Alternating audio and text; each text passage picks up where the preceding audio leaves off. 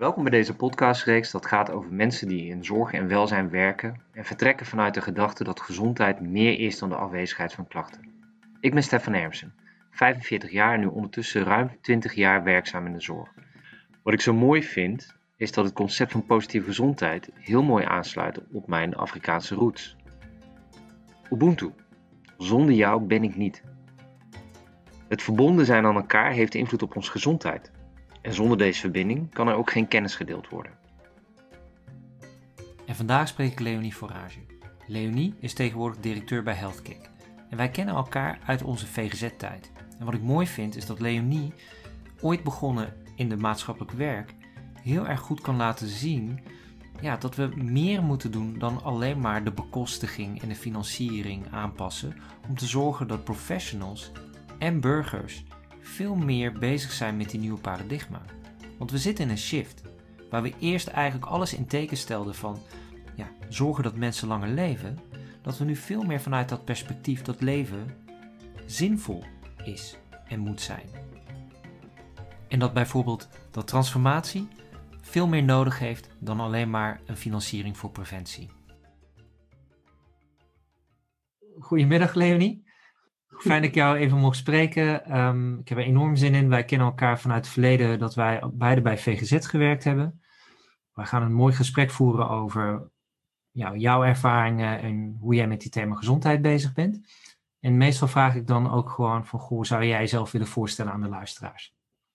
Ja, ik ben dus uh, Leonie Vorage en ehm, vanaf 1 maart, dus uh, je hebt eigenlijk wel de primeur, vanaf 1 maart uh, mag ik mezelf directeur HealthKick noemen. Ga, ga ik samen met uh, Karel Verheijen de directie vormen van onze stichting HealthKick en samen het KAVO-model wat we daar ontwikkeld hebben verder uitrollen. Gefeliciteerd. Dankjewel, hartstikke tof. Ik heb er onwijs veel zin in. Ik ben, het, ja, ik ben er eigenlijk al mee bezig, maar het feit dat dat nu ook echt zo geformaliseerd wordt, vind ik echt heel erg mooi. En, en ik vind dat mooi omdat ik eigenlijk al twintig jaar lang, uh, zolang als ik in de zorg werk, eigenlijk steeds bezig ben geweest met uh, hoe kunnen we de zorg nou eigenlijk een stukje verbeteren. Hè, hoe kunnen we de mensen nou echt centraal stellen in die zorg. En of ik nou, ik ben ooit uh, opgeleid als maatschappelijk werker, waarin dat natuurlijk echt zeg maar behoorde tot je core business. Um, en daarna in allerlei functies gewerkt in de zorg, ja, met name met kwetsbare doelgroepen. Ja, wat, wat, mij daar heel erg opviel is dat het gewoon best wel ingewikkeld is om die mens en die patiënt echt centraal te stellen. Uh, dus vervolgens uh, dacht ik, ik ga uh, naar de verzekeraar, want als financier kun je misschien meer, je meer middelen, zeg maar, om daar een, een verandering in aan te brengen. Nou, dat, dat was enerzijds wel zo en anderzijds viel dat ook een beetje tegen. Maar ik heb daar wel heel veel van geleerd. Dus juist door die combinatie van eerst in de praktijk in de zorg te werken, daarna bij een verzekeraar te werken. En ik heb ook nog een aantal daarna als consultant een aantal opdrachten gedaan in het sociaal domein en jeugdzorg. Dus ik heb al met al in de afgelopen twintig jaar steeds die, ben ik heel erg bezig geweest met die domeinoverstijgende zorgvragen en eigenlijk eh, de, de missie om daarin eh, de mens centraal te stellen en niet de wetten of de, of de geldstroom centraal te laten zijn. En dat dat nu allemaal in zo'n kavelmodel bij elkaar komt, waarin ik dan vanuit HealthKick zeg maar echt een, eh, een bijdrage mag leveren aan, aan hoe we dat echt een stapje verder kunnen brengen. Ja, dat vind ik, vind ik alleen maar hartstikke mooi. Ja, mooi. Dan zal ik ook misschien voor de luisteraars ook inderdaad, ik zal in de, in het, zeg maar de tekst onder de podcast ook de link zetten voor HealthKick. Hè, want jullie zijn inderdaad echt aan de toekomst van ja, hoe je nou eigenlijk in zo'n regio gaat kijken naar wat je wil bereiken op het verbeteren van die gezondheid hè, in zo'n uh, in zo'n regio, uh, hoe je dat voor elkaar kunt krijgen. En daar ja. kunnen mensen daar ook mooie achtergrond vinden. En daar zullen we vast ook, denk ik, nog wel verder in gesprek raken. Net zoals een aantal dingen die je al noemen, ben ik al, want natuurlijk, ik ken jou dus uit die VGZ-tijd. En uh, daar gaan we straks misschien wat meer over zeggen. Maar ik vind het wel fijn om te horen een beetje van waar je vandaan komt. Ik wist niet dat je bij maatschappelijk werk vandaan kwam. En het verklaart wel heel veel voor me. En daar ga ik straks ook wel wat vragen over stellen. Maar eerst misschien eens beginnen met goh, gezondheid. Hè? Waarom is dat nou een thema of begrip op dat verbeteren, zei je zelfs. Ik wilde steeds mijn steentje bijdragen aan het verbeteren eigenlijk van de zorg, die, die patiënt of die persoon centraal stellen. Waarom is dat eigenlijk? Eh, dat heeft eigenlijk een beetje zijn oorsprong in. Uh, ik ben ooit uh, naar Nijmegen verhuisd. Ik ben opgegroeid in de Noordoostpolder op een boerderij ergens in de middle of nowhere aan de, aan de rand van de dijk, van de dijk, zeg maar. Mijn vader was daar boer en ehm, ik ben naar Nijmegen gegaan omdat ik psychologie wilde studeren, neuro- en revalidatiepsychologie zelfs. En uh, gedurende mijn studie gebeurden er eigenlijk twee dingen. Uh, ik uh, raakte in de horeca verzeild en kocht met een aantal vrienden van mij een kroeg. Dus ik werd eh, ondernemer, ik werd kroegbaas. En tegelijkertijd kreeg mijn vader twee, kort na elkaar twee ernstige herseninfarcten. Wat natuurlijk heel ingrijpend was, want hij kwam terug op de boerderij, maar kon eigenlijk helemaal niks meer. Hij was geen boer meer. En ik weet niet of je iets weet van het boerenleven, maar boer dat word je niet, boer ben je. En als je dus in één keer je werk niet meer kunt uitvoeren, dan, uh, ja, voor mijn vader gold dat zijn leven eigenlijk voorbij was. En, uh, en daarmee, uh, voor ons als gezin, was er ook ineens een heleboel voorbij. En ik, nou ja, het gevolg daarvan, de, de, gevolgen waren groot, maar een van de gevolgen was dat ik mijn studie wel aan de wilg heb gehangen, omdat ik eigenlijk aan het leren was wat er met hem gebeurde. En mijn referentiekader werd gewoon te eng. En ik, ik had ook die kroegen en dat was natuurlijk veel leuker. Dus ik heb me daarop gericht. Ben uiteindelijk wel via een U-bocht en een eiweg weer terug in die zorg gekomen.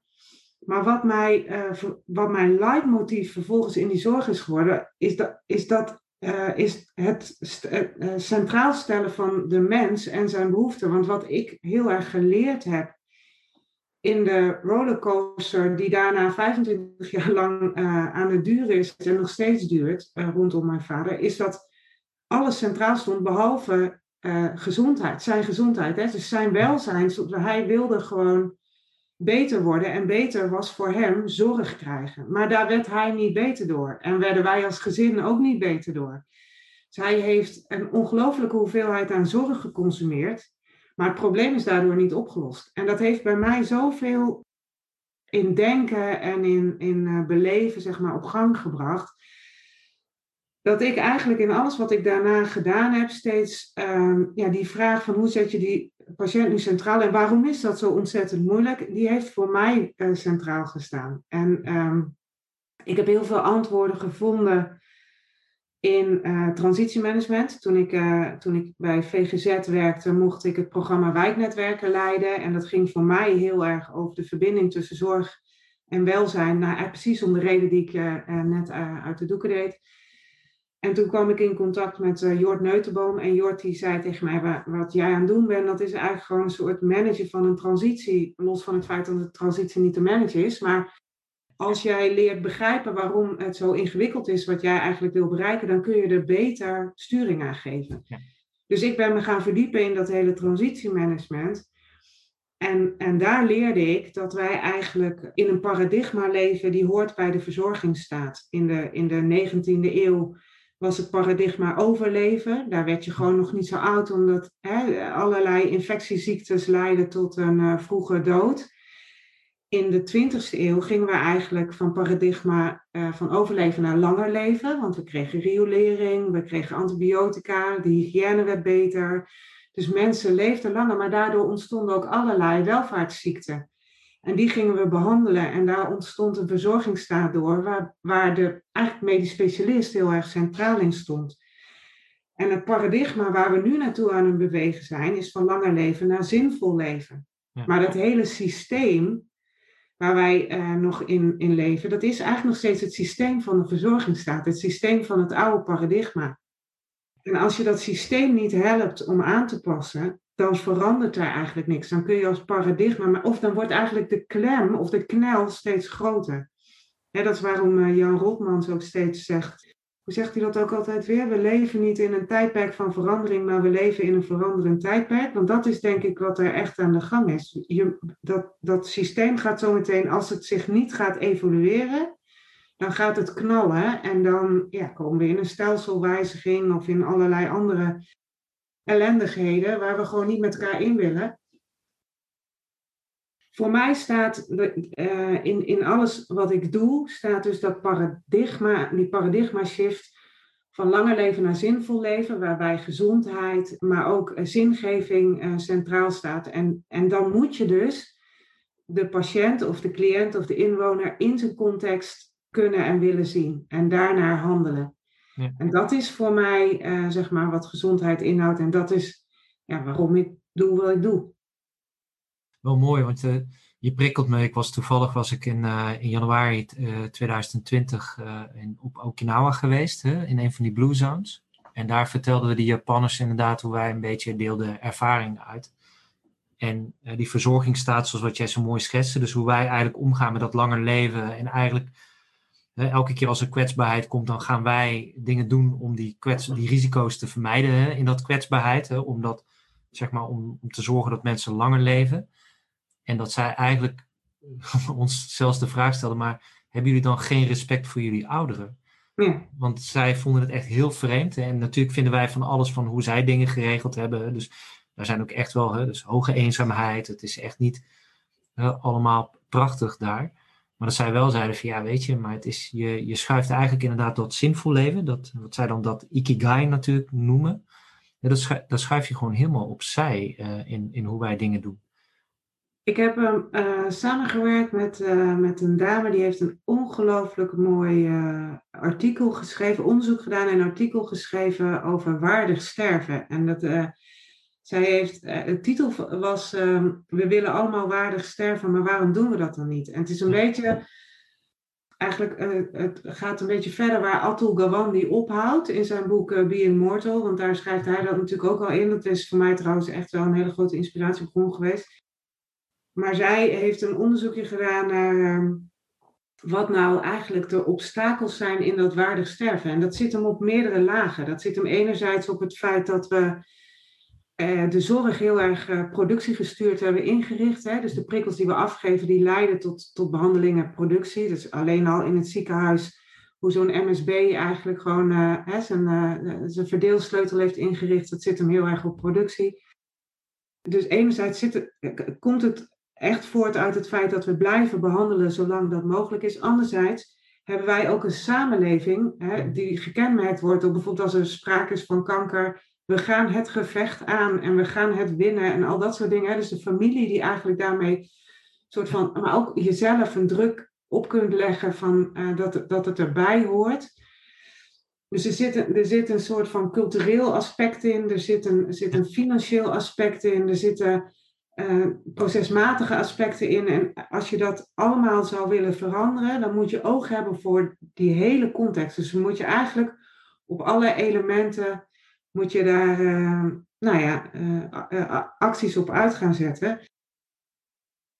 Dat vind ik eigenlijk het mooie van de hele theorie van transitiemanagement. Die eigenlijk zegt van als je echt tot een verandering wil komen, als je echt tot een transitie wil, wil komen, dan moet je niet alleen je structuur of je praktijken aanpassen, maar dan moet je ook de cultuur aanpakken. Dus dan moet je het eigenlijk in geheel, dan moet je het in geheel bekijken, zeg maar.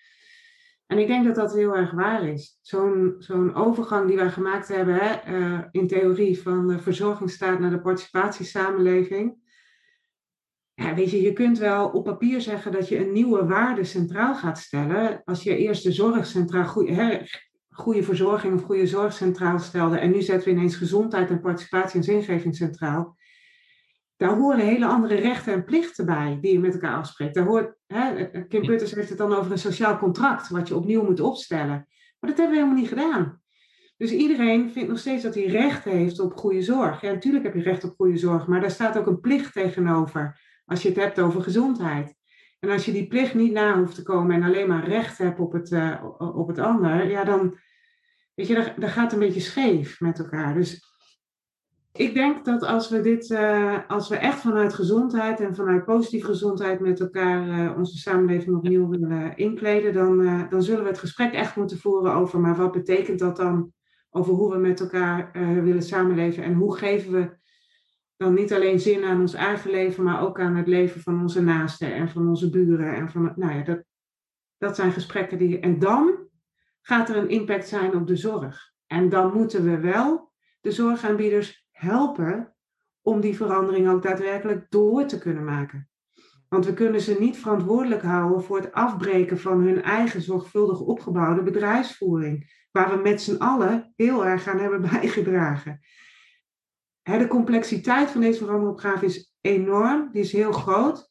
En ik vind dat die vaak veel te plat wordt geslagen. Dus mijn grootste frustratie is dat we denken het op te kunnen lossen als er maar een bekostiging voor preventie komt. Dan denk ik, nee, dat is helemaal niet de oplossing. Weet je, kom op. Het is een wicked problem en we moeten het ook als een wicked problem gaan benaderen. En dat betekent dat we adaptief leiderschap moeten tonen. Dat betekent dat we in een netwerk moeten samenwerken. Dat betekent dat we moeilijke gesprekken met elkaar aan moeten durven gaan. En dat betekent dat je de verantwoordelijkheid daarvoor in het collectief moet leggen en niet meer bij één regulerende partij. Daar geloof ik gewoon echt niks van. Nee, precies. En je prikkelt me zeker op een deel. Hè? Dus dat, zeker als je naar het aspect gaat kijken waar je aangeeft van, goh, hè, dus we, we hebben die paradigma shift, er horen andere rechten uh, bij, maar dus ook andere plichten horen erbij. En dan even de toetsen, want het, het zijn natuurlijk grote thema's die je, die je nu aansnijdt. Hè? En bedoel je dan ook bijvoorbeeld in het klein? Ik, er komt dan een voorbeeld bij mij naar boven dat bijvoorbeeld wel eens meemaakt dat er steeds vaker een, een huisarts of een praktijkverpleegkundige even vanuit die eerste lijnsetting, hè, dus uh, vanuit, van die, vanuit die setting, bij een, een, patiënt die in hun zorgprogramma diabetes zit, die uh, vier of vijf jaar komt, uh, maar eigenlijk gewoon komt dat pilletje krijgt en blij is van daardoor hoeft er niks te veranderen. Ik hoef mijn gedrag niet te veranderen, want dat pilletje zorgt ervoor dat mijn bloeddruk goed is. Dus dat, dat echte gedragsverandering die we, die we vooral die persoon, waar we die persoon bij willen helpen, niet eens misschien moreel vinden dat dat moet, maar waarbij we zeggen, daar, daar ligt onze rol als zorg om die persoon te helpen in te zien van, goh, wil je je gedrag veranderen, want dan zou je het je daar en daarbij kunnen helpen.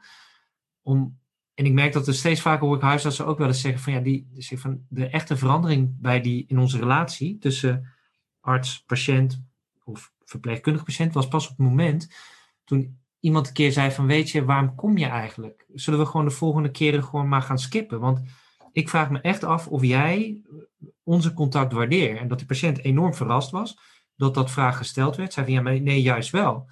Ja, maar waarom dan? Want we zitten hier de afgelopen zoveel jaar eigenlijk in een soort van een, elke keer dezelfde stappen in een dans. En, en ik zie niet dat jij, zeg maar, uh, dat jij daar echt um, ja, je gezondheid daar uh, beter van wordt. Hè? Dus even de medische uh, gezondheid. En ik ben dan benieuwd van ja, maar kom je omdat ik het je vraag? Of kom, dat je, kom je omdat je zelf wil? En als ze zeiden ja, en als ze dan met de persoon afspreken, we stoppen ermee, dat ze wel eens meemaken dat een half jaar later iemand toch contact opneemt, zegt ik heb er echt over nagedacht en ik wil. Hè? En ik wil graag. Dus dat er, en op die manier zonder om te zeggen, jij bent verantwoordelijk voor je gedrag en je gezondheid en jij zit fout met je leefstijl, dus jij moet verbeteren. Zo'n soort plicht. Nou, eigenlijk wel een open dialoog van, goh, wat doen we hier met elkaar? Is, is dat ook wat je bedoelt? Of... En nou, dat bedoel ik zeker. En dat kan twee kanten op werken. Misschien even, nou, eerst even het voorbeeld wat jij aanhaalt. Ik, ik denk dat huisartsen dus op een andere, en dat geldt misschien wel voor alle professionals, eh, eh, op een andere manier het gesprek moeten voeren. Ik denk dat, ik ben zelf als maatschappelijk werker opgeleid. Wij werden heel erg getraind zeg maar, in dat brede gesprek voeren. Ergotherapeuten doen dat ook. Hè? Heel erg kijken naar de context van de patiënt. Maar huisartsen zijn dat een beetje afgeleerd. Ik heb dat toen ik klein was, ik vertelde je net dat ik opgegroeid ben in de Noordoostpolder. Wij moesten een dorp verder, want daar was de huisarts. Maar die huisarts kende al zijn patiënten. En die kende ook de verhalen van de patiënten en de families van de patiënten. En die had mij, hè, die, had mij um, die was bij mijn geboorte, want toen waren er nog geen uh, verloskundigen. Dus die, die wist zo, zeg maar, wat er speelde nu moet ik me vaak voorstellen aan mijn huisarts, snap je? En dan is het, en, en, en dat hebben we ook met jezelf in de hand gewerkt, door die consultduur van die huisarts natuurlijk steeds verder te verkorten. En die, en die huisarts had ook helemaal niet meer uh, de tijd of de ruimte om een proactieve praktijkvoering uh, erop na te houden. Dus door, door, uh, door zich te verdiepen in de patiënt die het volgende spreekuur voor hem zou zitten en al gewoon eens na te denken over, eh, of de tijd te voelen, zeg maar, om dat gesprek te voeren uh, hierover. Van, goh, wat heb je nou eigenlijk, wat heb jij nou nodig? Hoe kan ik jou nou helpen? In plaats van, hè, wat ze nu toch wel heel vaak doen, uh, behandelen. Vanuit een biomedisch model kijken naar, dat, naar, naar, dat, naar die patiënt die voor hem zit, of eigenlijk naar het dossier wat voor hem zit. En daarmee, dus ik, ja, ik vind heel erg dat huisartsen dat andere gesprek zouden moeten voeren. En voor de ene patiënt geldt dan dat hij zegt, nou, uh, waarom kom je eigenlijk, misschien moeten we het maar gewoon stoppen. Voor de andere patiënt, natuurlijk moet je je medische skills inzetten als dat echt nodig is. Maar in heel veel gevallen is het niet nodig en is er een andere interventie veel meer op zijn plek. En soms kan het zijn dat jij het niet doet, maar dat iemand anders het doet. En soms kan het zijn dat je, zo'n welzijn op recept is daar ook een heel mooi voorbeeld van. Dat, dat is, dan, dan is de interventie niet dat de huisarts iets doet, maar dat de huisarts eigenlijk doorstuurt naar iemand anders. En ik hoor je ook eigenlijk natuurlijk gewoon zeggen, en ik denk dat dat, en dat is een, en ik begrijp, hè, dus precies wat je zegt met die productieprikkels die we hebben in ons systeem, dat dat soort dingen en de kortere, steeds wordende contacten, dat dat het wel bemoeilijkt. Maar is ook van als iemand zo lang, zo vaak bij je komt, ook wel eens gewoon eens toetsen. Goh, vertel mij eens, wat maakt dat jij elke keer in de auto stapt en hierheen komt? Of, of dat jij gebracht wordt. Vertel mij eens, want ook dat verandert. Hè? Dat is niet iets wat twintig jaar geleden zal dat om een bepaalde reden ontstaan zijn. En dat verandert in de tijd. En dat is wel, hè, ik, eh, nou ja, we hebben allebei bij VGZ gewerkt. We hebben op een gegeven moment allebei de, de, de verandering ook gemerkt toen, uh, toen de strategie zinnige zorg daar heel erg leidend in ging uh, worden. En ik moet zeggen dat ik heel veel geleerd heb van die uh, strategie. Want het heeft mij ongelooflijk doen inzien hoe met name de tweede lijn, maar ook de eerste lijn wel vastzit in een, in een bepaalde manier van werken die we eigenlijk als ja, als financiers zelf veroorzaken. Dus, hè, dus als verzekeraar waren we destijds, hè, in de tijd dat wij begonnen, tenminste dat ik begon bij VGZ, uh, waren we heel erg uh, aan het sturen op uh, kwaliteit. Er moest meer kwaliteit en, er moest, en we drukten op de tarieven, en we drukten op de plafonds, maar er veranderde eigenlijk niks. En ik heb van die strategie zinnige zorg heel erg geleerd dat wij door, die, door dat, te drukken en door te sturen op de verkeerde dingen, dat je eigenlijk precies de verkeerde verandering uh, in werk aan het zetten was. Wat ik heel spannend vind momenteel, is dat ik gemeenten eigenlijk nu dezelfde valkuil, uh, op dezelfde valkuil zie afdenderen. Hè. Dus die zijn met alle goede bedoelingen hoor, en onder enorme druk zie ik ze nu dezelfde keuzes maken, uh, waardoor zij zometeen net zo hard in die valkuil gaan vallen, waar we als verzekeraars net weer een beetje uitgekrabbeld zijn. Ja. want je zag VGZ als eerste zijn met die strategiezinnige zorg, maar ondertussen is er geen verzekeraar meer die geen meerjarencontracten sluit. Het is allemaal, het gaat allemaal over of je nou value-based healthcare of zinnige zorg of uh, weet je, maar het gaat allemaal over hoe zet je nou die uh, dokter in de lead en hoe geef je de ruimte om veel meer dat kwalitatieve gesprek te voeren met de patiënten. Zonder dat je alleen maar op die DBC's en die producties zit te duwen. Ik gun ons als samenleving, zeg maar, dat we met elkaar eigenlijk daar de inzichten uh, over kunnen uh, gaan delen en kunnen gaan toepassen. Zodat je uiteindelijk ook weer die professionals in de zorg met elkaar werkelijk die patiënt centraal kunt laten stellen.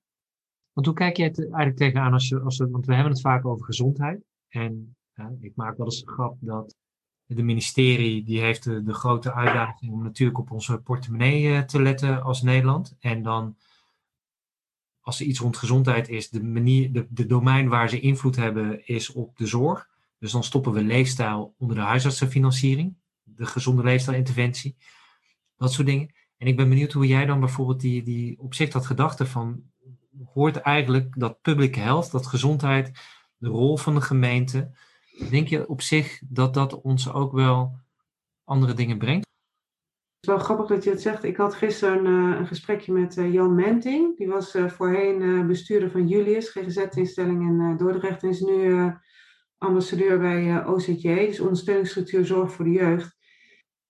Hij zei, ja, die decentralisaties die hebben ons één groot goed gebracht. Want eigenlijk alles rondom gezondheid ligt nu in één hand, namelijk bij de, bij de gemeente. Alleen zolang ze nog niet helemaal precies weten hoe ze dat goed moeten organiseren, plukken we daar nog niet met elkaar de vruchten van. En ik vind de reflex die wij nu, waar we inschieten, om dan maar de bekostiging weer in de ZVW onder te gaan brengen, vind ik een hele slechte. Ja. Uh, net zo goed als dat je nu de reflex in de jeugdzorg ziet, dat er meer geld bij moet. Uh, dus we zoeken steeds naar een manier waarop je meer geld kunt toevoegen aan het systeem. Terwijl ik denk dat geld het probleem niet is, maar dat het veel meer gaat over hoe je op een andere manier met elkaar uh, de zaken moet organiseren. En hoe je op een andere manier moet samenwerken. Kijk, het feit, uh, blauwe zorg kennen we ook allebei, hè? Ja. Een van de trajecten daar super indrukwekkend. Die gezinscoach die ingezet werd om uh, in de gezinnen, multiproblem gezinnen, te kijken van wat speelt hier nou allemaal. En dat ze tot de conclusie kwamen dat er gewoon 14 professionals in één gezin rondliepen, waarvan er in drie gevallen van, meer, van één organisatie meerdere mensen rondliepen die het niet van elkaar wisten. Ja, zolang we dat blijven doen, ja, dan moeten we voortdurend. En dan kun je preventie onderbrengen in de zorgverzekeringswet totdat je een ons weegt, maar dan gaat er gewoon niks veranderen. Dus de bekostiging van preventie. Het gaat niet om hoe je het bekostigt, het gaat om hoe je het organiseert, voor mijn gevoel. En dan is de bekostiging, ja, volgens mij meer een sluitstuk en dan die verbinding, hè? want ik heb denk ik ook uh, Venlo Droom, hè, was ook een project. Een project ja. met Venlo ja. de gemeente. En ik, en ik keek toen mee met de collega's die, die daar natuurlijk uh, ook actief waren. En wat mij opviel, en want volgens mij zeg je dat ook, en dat onderzoeken laten dat ook zien, hè? hoe meer professionals binnen één gezin actief bezig, eigenlijk hoe lager de kwaliteit. Dus je moet zorgen dat daar, hè, dat, dat dat wat overzichtelijker wordt. Je moet sowieso aan die gezinnen, die patiënten vragen of die mensen vragen van wie doet er voor jou het meeste toe en die vooral de ruimte geven om te doen wat nodig is. Maar wat ook mij opviel, wat ook nodig is, is dat dan vervolgens het niet weer te eng wordt gemaakt. Dus wij maakten mee, een Venlodroom, dat dan, dat was even voor de mensen die luisterden, dan had je bijvoorbeeld iemand vanuit de gemeente, vanuit de WMO, die had dan de keukentafelgesprek, zoals dat zo vaak heette. De praktijkondersteuner, die was vaak binnen dat, zeg maar, binnen dat huis of binnen dat gezin ook wel actief op een of andere, eh, zeg maar, aandoeningsgebied. Daar hadden ze bedacht van, kom, we gaan samen dat gesprek voeren daar zag ik hele mooie kwalitatieve uh, uitkomsten. Zag, ik zag daar veel kwaliteit ontstaan. Hm. De neiging van, van zeg maar de verzekeraar en de gemeente op dat punt was, na dat pilot volgens mij best succesvol was, om vervolgens wel te kijken, ja, maar waarom kan niet één persoon dat? En dan ga je voor mij, uh, ga je niet stimuleren wat je wil stimuleren. Dus het gaat, er, het gaat om, wil je ook, je moet ook de ruimte hebben als professional bedoel ik eigenlijk, dus dat je mag verbinden en kan verbinden en misschien zelfs wel moet verbinden met mensen buiten je organisatie. En niet dat dat het resultaat maar met jouw organisatie wordt afgesproken en jij overal verantwoordelijk voor bent. Want die vraagstuk is gewoon integraal van die persoon. Die, die, de ene keer heb je wat meer welzijn nodig, de andere keer heb je wat meer zorg nodig. Je kan ook niet zeggen dat het altijd welzijn is. En je kan het niet voorspellen vooraf. Je, je weet niet wat er gaat gebeuren, maar die professionals hebben vooral de ruimte nodig om dat te kunnen doen. En dan om het laatste, dan hoor ik jou ook eigenlijk zeggen, dan gaat het niet om de hoeveelheid geld wat beschikbaar is. Maar bekostiging is natuurlijk meer dan alleen maar het bedrag, dat is ook de prikkels. Dus hoe heb je de prikkels zo ingericht als financier dat die professionals dat mogen doen, zonder te denken dat ze ja, dan dingen doen die niet mogen. Dus dat ze op die manier doen. Kijk, maar jij slaat, ik denk dat je de vinger op, uh, op de zere plek legt nu, hè? En de spijker op de kop slaat en al die spreekwoorden tegelijk. ik, want als proeftuin Ruwaard iets heeft laten zien, dan is het wel dat een integrale benadering werkt. dus dat, maar, maar wat het ook heeft laten zien, is dat er dus een investering aan de voorkant nodig is daarin. En dat professionals de ruimte moeten krijgen om niet declarabel. En toch even dan het kavelmodel. Waarom ik het kavelmodel zo mooi vind, is omdat we eigenlijk zeggen: als je echt die verandering wil maken, dan moet je eigenlijk drie dingen anders doen dan moet je het anders gaan organiseren. Dan moet er namelijk meer ruimte zijn voor die organisatiekracht. Laten we het even de oliemannetjes en olievrouwtjes noemen. de mensen die de verbinding maken. De mensen die verbinding maken op organisatieniveau, op beleidniveau, maar ook op interventie- en cliëntniveau. Daar is nu vaak geen ruimte voor, omdat al het geld vastzit in behandeling of in, in, uh, in zorg. Of in, ja. dus die, die, die, precies wat jij schetst uit Venlo-droom, we zien dat het werkt, maar die mensen hebben daar eigenlijk, want die moeten wel 80% declarabel zijn. Hè? En, uh, en, dat, en, en dus is het doelmatiger als één iemand dat doet. Want als ze het met z'n tweeën doen, moeten de twee. Terwijl ik denk, als je aan de voorkant het met elkaar beter inregelt en daar dus meer organisatiekracht, niet declarabele uren op inzet, dan ga je uiteindelijk aan de achterkant ga jij geld besparen. Moet je het wel van de achterkant weg kunnen halen. Dat is het tweede punt. Dus je moet het wel anders kunnen monitoren. Je moet met elkaar kunnen monitoren wat de effecten op populatieniveau, op organisatieniveau en op interventieniveau zijn. En het liefst ook nog op individueel niveau. Dus je moet met elkaar wel kunnen meten wat dan de effect. Dat is bij Venlodroom niet helemaal gelukt. En als derde zeggen wij, dus anders organiseren, anders monitoren, maar ook anders financieren. Want om die investering aan de voorkant te doen, maar ook om die frictiekosten te kunnen nemen aan de achterkant, heb je een, een potje nodig wat los zit van al dat geld wat al in die behandeling zit. Daar heb je eigenlijk een soort van regionaal fonds voor nodig, van waaruit je in de context van je regio die dingen kunt doen die niet van bovenaf, dus niet door VWS bepaald, maar door jouw regio bepaald nodig zijn om dat te doen wat nodig is. Vanuit Kavendel zeggen we dan, daar heb je een investeringsfonds voor nodig. Daar heb je een externe investeerder voor nodig die eenmalig investeert in jouw regio, zodat je eigenlijk kunt komen tot minder meerkosten. En die minder meerkosten die kun je omzetten in een afbetaling van de lening, maar ook in een revolving fund, van waaruit je als regio eigenlijk voortdurend duurzaam dit soort dingen kunt blijven doen.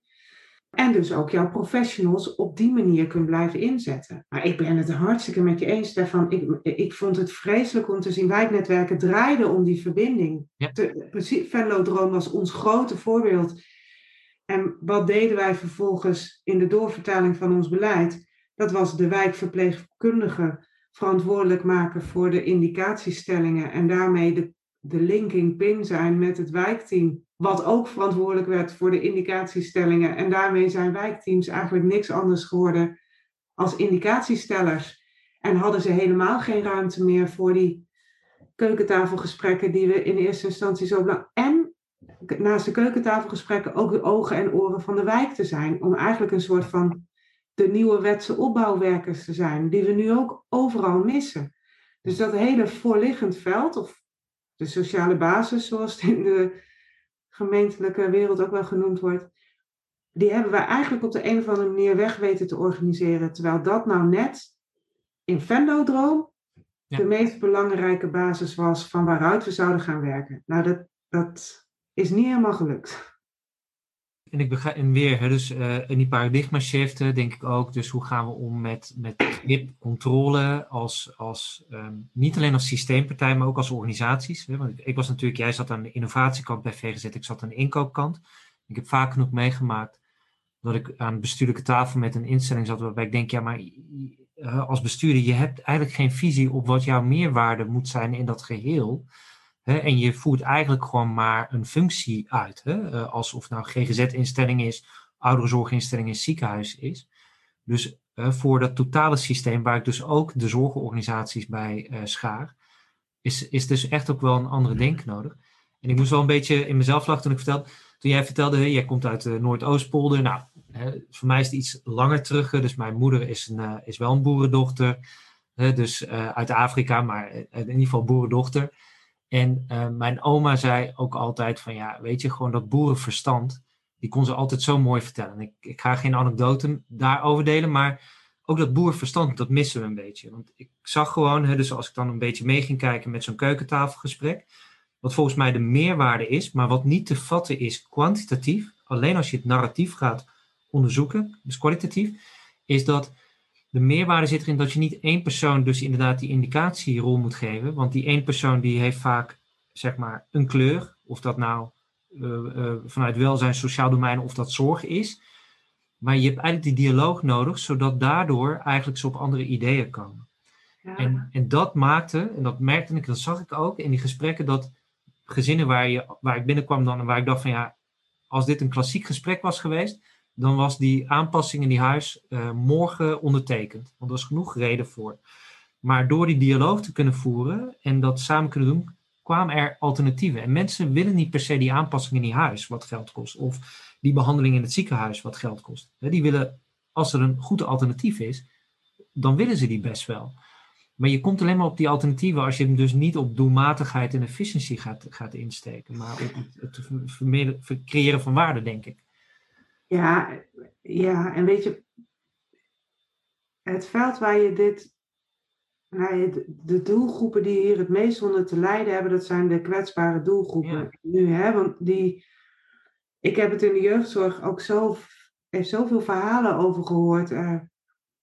ja, het, het is enerzijds. ehm, kijk, ik geloof niet dat er ook maar één professional is die 's ochtends opstaat en denkt: Zo, ik ga het eens even allemaal niet goed doen vandaag. Weet je, iedereen staat met. eh, staat op met, hij gaat naar zijn werk met de beste bedoelingen. Alleen, ehm, ik heb bij VGZ ook vaker gezegd, het is zo raar dat als je 's ochtends thuis wakker wordt in je eigen omgeving, dan kijk je op een bepaalde manier tegen de zorg aan en dan wil je op een bepaalde manier dingen van de zorg hebben en dan, ga, en dan stap je in je auto of op je fiets of in de trein en dan ga je naar je werk.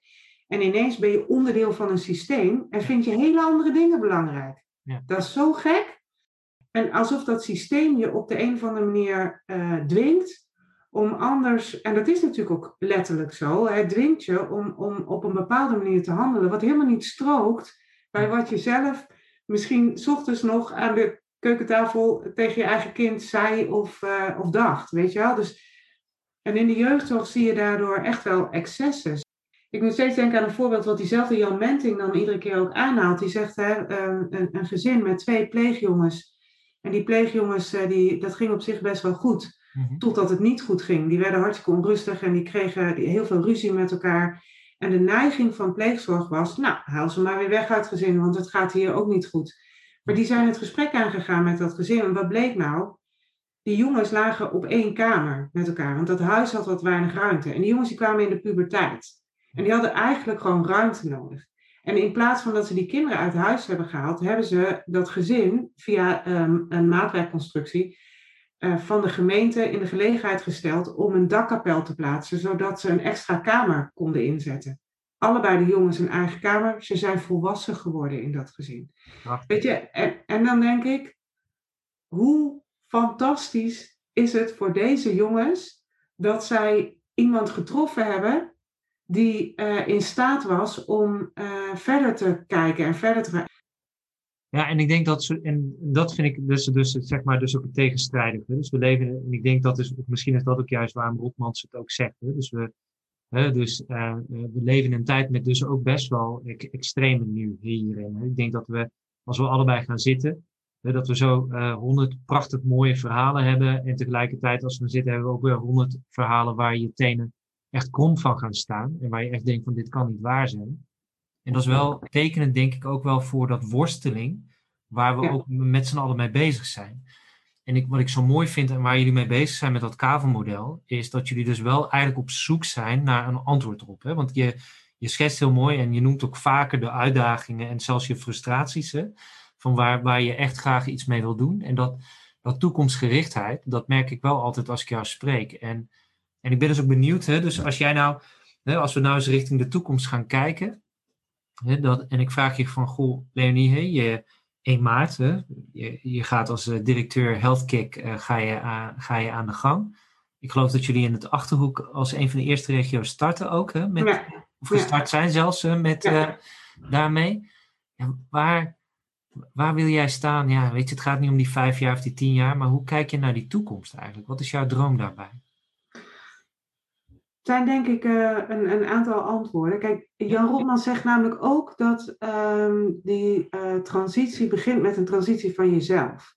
Hè, dus wij, dat was eigenlijk net wat ik eh, ook bedoelde met dat cultuuraspect. Ja. We krijgen deze verandering niet als we niet ook allemaal zelf een beetje veranderen. Dus als wij niet zelf ook nadenken over wat onze rechten en plichten zijn. Dus ik hoop dat wij in de komende jaren de dialoog niet alleen met ziekenhuizen en GGZ-instellingen, maar ook gewoon met inwoners en met, met, met patiënten voortdurend aan kunnen en mogen blijven gaan over hoe kunnen we jou het beste helpen eh, en wat eh, betekent gezondheid nou voor jou, maar wat kun jij daar zelf ook aan doen. Dus mensen ook, weet je wel, zich, dat we ons met z'n allen bewust worden dat als we een andere samenleving willen creëren met elkaar, dat we daar allemaal een steentje aan bij moeten dragen. En dat vind ik het mooie aan het kavenmodel. Dat we daar heel sterk ook het, eh, het hele burger, eh, eigenlijk het, ja, wat, wat de burger nodig heeft. Dus we, we nemen de burger en de burgerparticipatie heel, erg, heel sterk daarin mee. En als je mij dan vraagt, ja, waar hoop je dat je over... Die, ik hoop heel erg dat wij... Kijk, HealthKick is een is een stichting die we hebben opgericht uh, zodat wij een bijdrage kunnen leveren aan de beweging van die. En regionalisatie is voor ons niet een doel, maar dat is een middel om te komen tot meer gezondheid. Op meer focus op gezondheid in het gezondheidszorgsysteem. nu hebben we, we hebben het over gezondheidszorg, maar eigenlijk hebben we het alleen maar over zorg. En wij zouden het veel meer over gezondheid willen gaan hebben. Ja. En ik hoop dat wij in Nederland het over tien jaar, dat wij het, het systeem wat nog zo ingericht is op dat lange leven, een beetje hebben kunnen helpen bij het zich aanpassen aan het nieuwe paradigma van zinvol leven.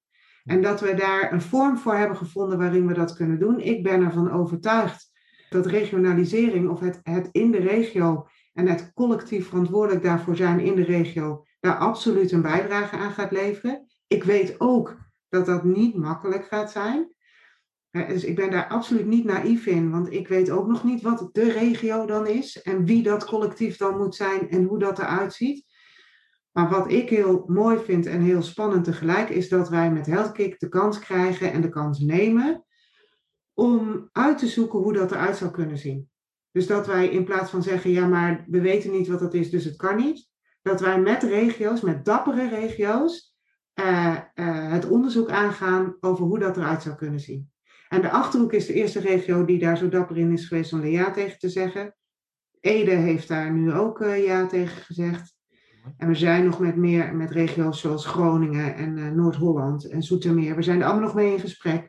En ik hoop dat we de kans krijgen om, om de komende tien jaar, al is het maar in twee of drie regio's, dit gewoon echt verder te kunnen brengen. Zodat we, en als het niet lukt, dan weten we dat ook. Weet je, maar dan hebben we het wel echt onderzocht. Want ik, met, met alle Um, ik, weet um, dat er zijn meer dan genoeg regio-experimenten geweest. En we hebben de populatieproeftuinen gehad. En maar ik, eh, nergens is nog echt deze vraag echt goed onderzocht. Dus hoe kun je nou echt als, uh, als regio collectief de verantwoordelijkheid voor nemen? Hoe kun je je zo organiseren dat je dat ook in het collectief kunt doen? en collectief de verantwoordelijkheid nemen, niet alleen voor het ontwikkelen van nieuwe interventies, want dat is niet zo moeilijk, maar het verduurzamen daarvan. En, en de organisaties dan ook helpen bij het aanpassen van hun, van hun bedrijfsvoering, van, van, hun, van hun status, van hun professionals. Het organiseren van een level playing field tussen professionals, zodat de arts niet meer of minder status heeft dan de wijkverpleegkundige of de opbouwwerker. Want die zijn allemaal net zo belangrijk als het gaat om, om gezondheid.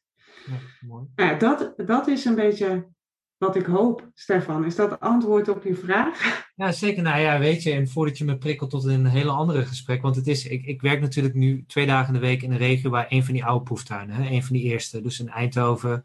En dat is, hè, dus de, de, de mensen die, die hier, hier werken, denk ik, die durven ook wel te zeggen, dat, ja, dat kan je misschien zien als een mislukking. En en dan bestempelen we dat gelijk als slecht. Maar ik merk wel dat ook wel die regio die heeft, uh, die heeft dat geprobeerd. Dat heeft niet opgeleverd wat iedereen ervan gehoopt en gedroomd had. Maar het heeft wel opgeleverd dat we nu een prachtige programma met, op het gebied van ouderenzorg, dat precies heet, dat we in onze regio hebben. Dus we zijn daarna wel doorontwikkeld. Op die basis wat, wat jij zegt. En wat ik heel interessant vind, en ik hoop echt dat jullie inderdaad goed daarna gaan kijken, is die die meerwaarde van dat vooruit, eh, dat, dat voorfinancieren, dus dat rust creëren in dat verhaal, dat mensen dus niet productief hoeven te zijn, dat het niet gaat om dat soort prikkels, maar dat ze samen op, in dat proces kunnen gaan zitten van, goh, wat hebben we hier te doen? Dat dat er komt. En het laatste is, ik geloof echt oprecht, en dat was het voordeel, vond ik, dat ik bij VGZ werkte. Ik kwam in Urk, ik kwam in Maastricht, ik kwam in, in Haarlem, ik kwam in Enschede mensen hebben regionaal, kijken ze anders tegen gezondheid. En dan heb ik het niet over de zorgverleners, maar gewoon mensen. Als je een Brabander vraagt, wanneer ben jij gelukkig? Wat is gezondheid voor jou? Het zijn op grote niveau is het hetzelfde. Maar als je echt op die details komt, dan kijken we anders tegen het leven aan. En anders tegen gezondheid aan. Dus ik, daarom geloof ik ook echt wel in dat je in regio's ook mensen moet verbinden met elkaar. En dat je niet kan zeggen, nou wat we in Maastricht doen, dat gaan we in, in Doetinchem doen. Daar geloof ik gewoon niet in. Nee, maar ik denk wel dat je om dat te kunnen doen, uh, met elkaar een aantal randvoorwaarden aan de voorkant goed moet regelen. En ik denk wat wij proberen te doen vanuit HealthKick, Ja. Dus met de regio die randvoorwaarden, dus echt anderhalf jaar te investeren in het realiseren van de randvoorwaarden, zodat we daarna tien jaar lang de inhoud centraal kunnen stellen. Met alle partijen die daarbij betrokken moeten zijn. Maar dat we dan niet meer gehinderd worden door randvoorwaarden die toch niet helemaal bleken geregeld te zijn. Of door partijen die zeggen, ja, maar ik heb eigenlijk toch niet zo zin in. Want het, hè, die voorwaarden die had ik niet helemaal voorzien. Dus ja, nee, dat willen we dus niet. Aan de voorkant gewoon regelen wat er geregeld moet worden om tien jaar lang de inhoud centraal te stellen. En helemaal eens met jou, Stefan Eindhoven, ook, ook hè, um, waar Maart Klomp mee bezig is, um, en met uh, de Gossendam, ja. Het van onderop. Uh, organiseren en verbinden van, van initiatieven en van mensen en van, van alles wat het leven uh, mooi maakt. Hè? Waardoor je echt op wijkniveau, maar ook op, op gemeenteniveau en op regioniveau um, nou, gericht dat kunt inzetten wat mensen nodig hebben. Ja, ik vind dat, dat, dat vind ik prachtig. En dat zie je op een paar plekken in Nederland. Maar dat is niet zomaar te kopiëren naar andere plekken in Nederland. Absoluut niet. Je moet dat hele proces met elkaar doorlopen. Ja, ja. dan hoor ik je zeggen, dan hoop ik inderdaad samen met jou dat wat, wat we vanuit, uh, uh, waar wij dan als Nederland voordeel van kunnen hebben van wat jullie aan het doen zijn, is dat we over een aantal jaren kunnen gaan herkennen wat zijn nou, wat moet je nou qua randvoorwaarden van tevoren ja. goed met elkaar klaar hebben, zodat je dit kan gaan doen. Want ik herken heel erg wat je zegt. En ik denk zelfs in de regio Achterhoek was het zelfs dat mensen een, een pilot had rond populatiebekostiging dat compleet mislukt is. Juist om deze reden, een jaar of acht, negen geleden. En Ja. Ik denk mensen daar ook die les wel geleerd heeft van ja, dit, dit, dit moet gewoon anders. Dus, eh Ja. hey, maar Leni, ik wil je enorm bedanken, want volgens mij kunnen wij nog drie uur doorpraten. ja, ik denk het ook. denk ik ook. En dan gaan, maar we gaan zeker ook, een, als jij het goed vindt, ook een vervolggesprek. Want ik ben ook benieuwd, ook gewoon eens over een half jaartje, van hoe Ja. gaat het nou? En misschien kunnen we ook een keer een leuke groepsgesprek met mensen uit de Achterhoek organiseren. Ja. Waar zij kunnen vertellen hoe het, hoe het is. En die burgerparticipatie, er, zijn zoveel haakjes waar ik, waarnaar ik geïnteresseerd ben. Dus ik hoop dat we dat nog een keer kunnen bespreken. Benieuwd naar meer? Luister dan naar andere afleveringen uit deze reeks. Wil je graag in gesprek met mij over het onderwerp gezondheid? Neem dan contact met me op.